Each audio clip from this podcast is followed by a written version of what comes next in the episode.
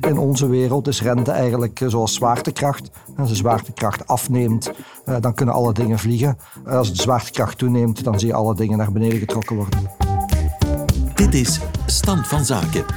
Een podcast van BNP Paribas Fortis met chief economist Koen Deleus en chief strategy officer Philippe Gijsels.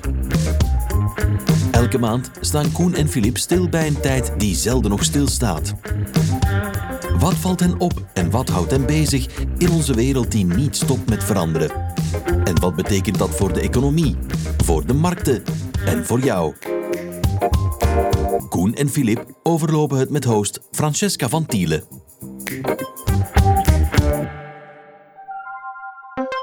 Dag Koen, dag Filip. Dag Francesca, dag Koen. Fijn jullie terug te zien. In deze laatste podcast van 2022 blikken we vooruit naar het komende jaar, 2023.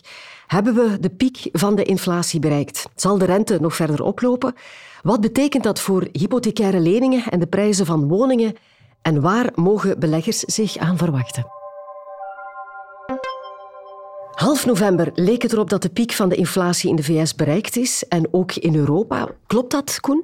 Wel, ik denk dat we inderdaad in de VS de inflatiepiek al een stukje achter hen ligt. En dat heeft vooral te maken met een, wat ik noem, reverse zweepslag-effect.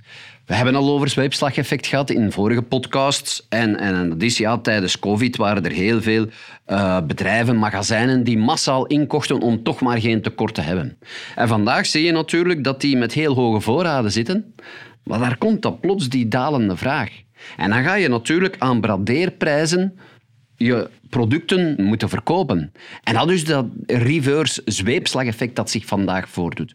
Nu, moet nu wel erbij zeggen, dat is één element en dat heeft vooral betrekking op goederen. Langs de andere kant zijn er natuurlijk ook heel veel diensten en vier vijfde van de economie is eigenlijk diensten. En daar zien we natuurlijk wel dat die hoge lonen, die heel belangrijk zijn in die diensten, dat die redelijk sticky zijn. Dus in die zin denk ik dat we de piek wel voorbij zijn, maar dat we de, de daling dat die redelijk langzaam zal gaan.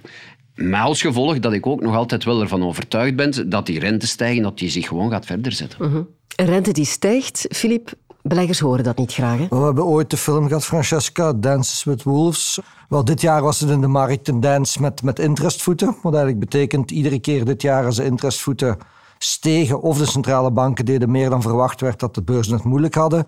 Uh, op momenten dat de rente dan een beetje ontspande, uh, zoals in de zomer, dan zag je een rally. Dus je gaat inderdaad heel erg uh, op en af met die rentevoeten. Dat zal uiteindelijk zo ook blijven. En je mag niet vergeten, in onze wereld is rente eigenlijk zoals zwaartekracht. Als de zwaartekracht afneemt, dan kunnen alle dingen vliegen. Als de zwaartekracht toeneemt, dan zie je alle dingen naar beneden getrokken worden. De ECB trekt de rente verder op, maar er is zoiets als een vertragingseffect. De impact van een renteverhoging is pas na maanden voelbaar. Waarom remt de ECB die rentestijgingen niet wat af, Koen? Wel, eens willen zeker voor het onzekere nemen. En ten tweede, wat men ook ziet, is dat het strikte monetaire beleid helemaal haak staat ten opzichte van het fiscale beleid. Daar zie je dat heel wat overheden in de eurozone vooral blijven stimuleren, blijven mensen ondersteunen om te blijven consumeren ja, om zo een beetje compensatie te hebben ten opzichte van die hoge energieprijzen. Maar ja, dat weegt natuurlijk tegen die sterke rentestijgingen die de vraag moeten drukken. En dus daar zegt de ECB, ja jongens, als jullie dan met fiscale stimuli niet meewerken, maar ons tegenwerken, ja, dan zullen wij gewoon iets verder de rente doen stijgen. Hè? En is er ook nog zo'n uh, loonprijsspiraal natuurlijk. Kan je, dat, kan je dat nog even uitleggen, Koen? Wel, die loonprijsspiraal, daar is het zo dat wanneer dat je ziet dat de prijzen stijgen, dat mensen naar hun baas gaan en dat ze zeggen aan hun baas, ja oké, sorry, maar ik wil mijn loon zien stijgen, want anders gaat mijn koopkracht onderuit.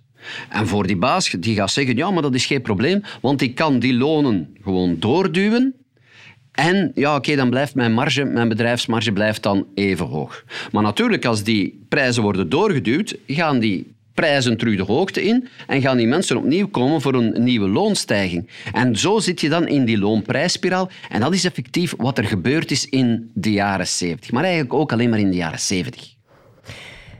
Zou dat nu terug kunnen uh, gebeuren? Is dat iets waar dat de ECB of andere centrale banken schrik voor hebben?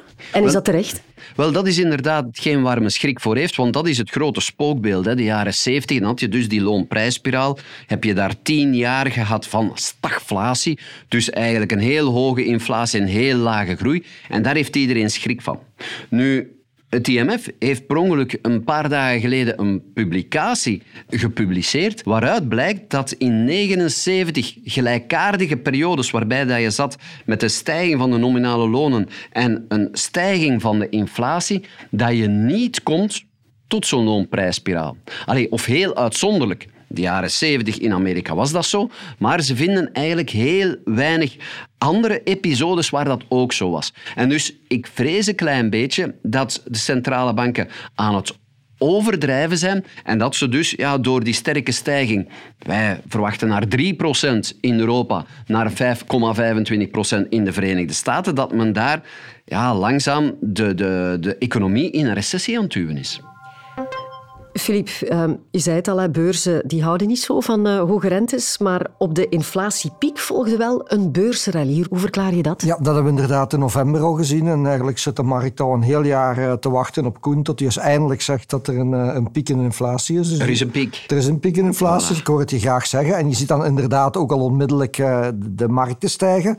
Uh, nu al gekheid om een stokje, had ook al wat cijfers die daarop wijzen. Je had het consumentencijfer in de Verenigde Staten een paar weken geleden uh, dat toch ook die piek uh, aangaf. En ja, dat neemt dan toch wel wat onzekerheid weg in de aandelenmarkten, want dan krijg je eigenlijk meer zicht op wat die centrale banken gaan doen. Koen gebruikt dan dat moeilijke woord altijd, terminal rate, waar ze dan gaan stoppen met de rente te verhogen. Wel, als je die ziet, ja, dan reageren de markten daar dus wel duidelijk positief op. Mm ik hoor dat je positief bent, maar welke tekenen zijn er dan dat we te maken hebben met een heropleving? Wel, het allerbelangrijkste al gezegd, de piek in inflatie en de zichtbaarheid op wat de centrale banken gaan doen. Maar er zijn ook nog andere tekenen. En dan kijken we uiteindelijk naar de seizoenen. De beurzen zijn er ook al seizoenen. Normaal gezien november, december, januari zijn meestal positieve maanden voor de beurzen.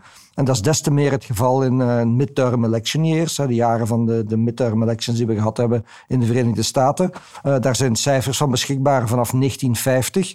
En daar is de periode van november, waar we nu eigenlijk net aan voorbij zijn, tot uh, april van het jaar nadien eigenlijk sinds 1950 nooit negatief geweest. Nu, dat is natuurlijk geen garantie. Het verleden geeft wel een indicatie, maar is nooit een garantie voor de toekomst. Zoals Marcel Mark Twain het al zei, uh, history does not repeat itself, but it often rhymes. En hoe lang denk je, Filip, dat dat feestje gaat uh, duren? Wel, nu stel je moeilijke vragen. Ik vind dat het al leuk is als we al een paar goede maanden hebben, maar volgend jaar zal het er dan van afhangen, vooral wat die inflatie gaat doen. En dan, dan gaan we weer terug naar onze goede vriend Paul Volcker, aan het begin van de jaren tachtig. herinnert zich de enorme uh, hoge inflatie die je toen had, um, de enorme renteverhogingen die ze gedaan hebben.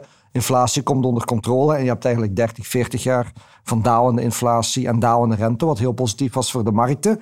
Nu, als we naar het verleden kijken, en vooral als we ver in het verleden kijken, dan lijkt alles een punt te worden. Als we het hebben over de val van het Romeinse Rijk, ja, dat is een bepaalde datum, maar dat is natuurlijk een proces. En wat die Paul Volcker deed, was eigenlijk ook een proces. Want hij heeft uiteindelijk de rente verhoogd in twee keer.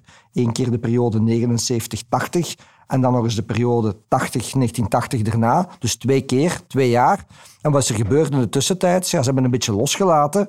Ze hebben de rente niet genoeg verhoogd. De inflatie is teruggekomen en ze hebben een tweede golf van renteverhogingen moeten doen. En dat heeft de beurs niet zo geapprecieerd. Dus dat is uh, meteen ook het risico voor volgend jaar.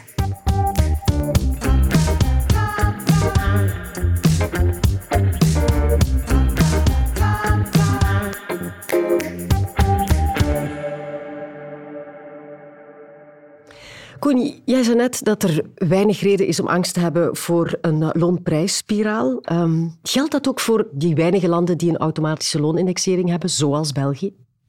dat is inderdaad een, een, een goede vraag en, en, een terechte vraag, want dat geldt inderdaad niet voor zo'n landen als België. Want als je daar inderdaad ziet en je dwingt de bedrijven om die consumentenprijzen te volgen, ja, dan dwing je de bedrijven ook bijna om opnieuw die loonstijging door te duwen naar die consumentenprijzen. En opnieuw ja, kom je dan precies in wat je probeert te vermijden, dat is die loonprijsspiraal. Ik wil het met jullie nog hebben over de vastgoedmarkt. Uh, jullie verwachten dat de lange termijnrente nog even gaat stijgen. Dat betekent dus ook dat de hypotheekrente nog naar boven zal gaan. Is er zoiets als een bovengrens, Koen? Een bovengrens voor de hypotheekrente denk ik niet, maar natuurlijk, uh, we zien wel dat de hypotheekrentes een beetje achterop gingen. Dus je hebt dan een stijging van de lange termijnrente gehad sinds de start van het jaar, min of meer een 3 procentpunt iets minder.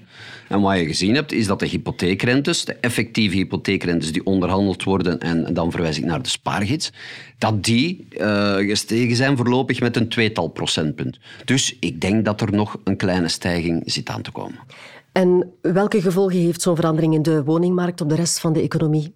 Wel, de huizenmarkt is natuurlijk zeer belangrijk voor de economie. Het is er een groot stuk van. Je mag niet vergeten dat de wereldwijde huizenmarkt en, een vastgoedmarkt in afgeleide orde 400.000 miljard eh, dollar groot is. Dat is niet, dat is niet min.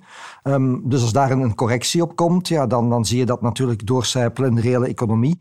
Heel simpel gezegd, als de consument te veel schuld heeft en hij moet te veel aflossen aan zijn woningen, ja, dan kan hij minder consumeren. En ja, dan zie je dat doorcijpelen op de economie, op de activa klasse en zo verder. Nu, als de rente blijft stijgen, is de vraag natuurlijk, Koen, kunnen mensen zich nog wel een eigen woning permitteren? Ja, dat is uh, inderdaad de grote vraag. En is het nog betaalbaar? Hè? Is het nog betaalbaar, zo'n hypotheeklening? En als je dan ziet, uh, de laatste cijfers die we daarvan hebben voor de Nationale Bank sinds het begin van het jaar, zij berekenen een betaalbaarheidsindex en daar gaan ze kijken wat het gemiddeld gezien in België afbetaalt aan hypotheekschulden, hypotheekrentevoeten in procent van zijn inkomen. En zo komen ze in het begin van het jaar aan een percentage van 26, 27 procent. Nu, als ik op basis daarvan een back-of-the-envelope berekening doe en ik ga uit van een rente die gestegen is van 1,3 naar 3,3 procent. En ik ga uit van een lening, laten we zeggen, een gemiddeld nieuw huis is een 300.000 euro, dus we gaan 300.000 euro lenen. Dan betaalt men in het begin van het jaar op die lening 1100 euro en vandaag 1400 euro. Zelfs als ik dat inkomen indexeer, dan kom ik nog altijd aan zo'n betaalbaarheidsindex die niet meer op 26, 27 procent staat, maar op 30 procent. Dus 30 procent van het gemiddeld inkomen wordt uitgegeven aan die lening en dat is het hoogste niveau sinds de jaren 80. En zou dat dan kunnen betekenen dat de prijzen van vastgoed dat die zullen dalen? Wel, tot nog toe dacht ik dat niet. Vandaag ben ik toch een beetje meer voorzichtig en denk ik inderdaad, 2023, dat we naar een lichte daling van de nominale prijzen kunnen gaan. Wel ja, en, uh, het is de feestmaand, dus vooruit dan maar. Ik geef het niet graag toe, maar Koen had de laatste keer toen we hierover praten wel een punt. Ik zag al een hele tijd toch, toch een iets stevige correctie in, in, de huizenmarkt. Maar nu ga jij gelijk krijgen, hè? Misschien, maar het is toch... Het is kerstmis. Het is kerst, dank je Koen. Maar, maar het is toch zo dat de daling is toch nog altijd relatief beperkt. Ja, het, het is niet echt een, een, zeker geen crash, zelfs geen serieuze correctie. Het is dus wat afkoeling, kunnen we het noemen. En, en dat is dan toch nog altijd voor mij een beetje verwonderlijk. Want als ik dan kijk naar wat we dan de listed real estate noemen, en niet het fysieke vastgoed in de straat, maar het vastgoed wat genoteerd is op de beurzen, ja, daar zie je dan toch al tikken die uitgedeeld zijn van 30, 35 procent.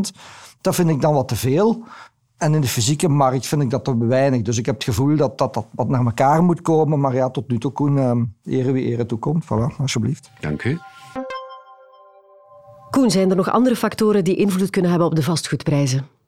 Wel ja, dan uh, spreken we over het EPC-certificaat natuurlijk met die hoge energieprijzen hoe beter je EPC-certificaat, hoe minder dat je gaat moeten betalen. En daar uh, verwachten wij, maar verwacht vooral uh, de markt, toch wel een divergentie tussen de huizen met een goede EPC-label en de huizen met een ja, zwak EPC-label. Dus wat betekent dit voor mensen die een huis kopen of laten bouwen? Wel, uh, er zijn niet veel opties natuurlijk. Hè. Ofwel ga je een huis kopen met een A-label. Maar ja, iedereen zal daar achter zitten jagen. Je kan natuurlijk ook zelf een huis gaan bouwen, maar dan moet je de bouwgrond er nog bij nemen. Of dat je daar goedkoper uitkomt, weet ik ook niet. En dan is er de derde manier, en dat is zeggen van oké, ik ga een huis kopen, en ik denk dat het vooral voor de handige Harry's is, dus echt niet voor mij. Uh, je gaat een, een, een huis met een EF-label kopen en je gaat serieus uh, renoveren. En ik denk dat, dat psychologisch dat heel veel mensen, zeker omdat er besef is dat, dat uh, men gaat moeten renoveren wanneer dat men EF heeft, dat heel wat mensen gaan afschrikken om zo'n huizen te kopen. En dat daardoor de prijsreactie op zo'n huizen iets groter gaat zijn dan rationeel zou moeten. En daardoor denk ik dat er misschien wel koopopportuniteiten zouden komen, net in die huizencategorie waar ja, de EPC-labels wat laag zijn. Ik hoor hier wel wat kansen voor de bouwsector, Filip. Ja, absoluut. En wat Koen zegt is natuurlijk absoluut correct. Nu, ik was uh, recent ook op een seminarie en een één cijfer wat daar toch echt uh, in het oog sprong was als je kijkt naar de normen die we in 2050 moeten gaan halen, wat dat daar maar 5% van, uh, van de huizen in België dan voldoet. Dus ja, is er nog 95% wat er niet aan voldoet. Dus dat betekent natuurlijk heel veel verbouwingen, heel veel geld wat daartoe zal moeten gaan. Een heel creatieve overheid uh, die daar uh, bepaalde maatregelen zal moeten nemen, denk ik. Maar vooral ook ja, iedereen die bezig is met bouwmaterialen, met renovatie, uh, isolatiematerialen en dergelijke, ja, die zitten gebeiteld voor de komende vele jaren.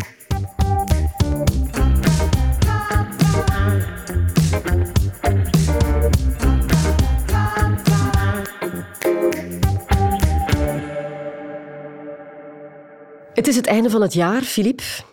Je mag nog één boekentip geven hier in 2022. Wat heb je meegebracht? Wel, uh, we hebben het al, uh, Francesca, over uh, de economie gehad. En we zeggen vaak, ja, economisch gezien moeten we deze periode eigenlijk vergelijken met de jaren 60, 70. Nu, als we naar geopolitiek kijken, moeten wij vergelijken met de periode van voor de Tweede Wereldoorlog. En ik heb eigenlijk voor kerst misschien een atypisch boek meegebracht. Disunited Nations van Peter Zion. Uh, zijn andere boek is The End of the World is Just the Beginning. Dus misschien ja, niet echt de meest optimistische lectuur voor onder de kerstboom. Lolbroek. Lolbroek, ja inderdaad. Maar, maar heel goed geschreven. Laat je nadenken. En daar zijn kerstbomen dan misschien wel goed voor. Hoe de wereld verandert, geopolitiek. En om maar één klein inzichtje daarvan te geven... We hebben een wereld van globalisering gehad, waarin het de landen die grote handelsoverschotten hadden, zoals Japan, zoals Duitsland, zoals China, die profiteerden. Maar wat hij zegt, ja, misschien moeten we heel die wereld toch anders gaan bekijken. Allemaal thema's voor de volgende jaren, dus ja, ideaal om eens uh, over na te denken. Dankjewel. Informatie over dit boek, dat uh, vindt u in onze show notes. Deze podcast werd opgenomen op 25 november. De volgende stand van zaken is te beluisteren vanaf 9 januari. Ik wens jullie nu al, Koen en Filip, een heel prettig eindejaar. Jij ook. En een Jij goede ook. start van 2023. Het was heel fijn om te doen, dank je. Dit was Stand van Zaken. Vond je deze podcast interessant? Abonneer je dan via Apple Podcast, Spotify of een andere podcast-app naar keuze. Of deel deze podcast via sociale media. Zo help je ook anderen om hem te vinden. Heb je intussen vragen, opmerkingen of suggesties? Die kun je mailen naar socialmedia.bnpparibafortis.com. Graag podcast Stand van Zaken in de onderwerpregel vermelden. De opinies in deze podcast zijn die van de presentator en de geïnterviewde en geven niet noodzakelijk het standpunt van BNP Paribas Fortis weer.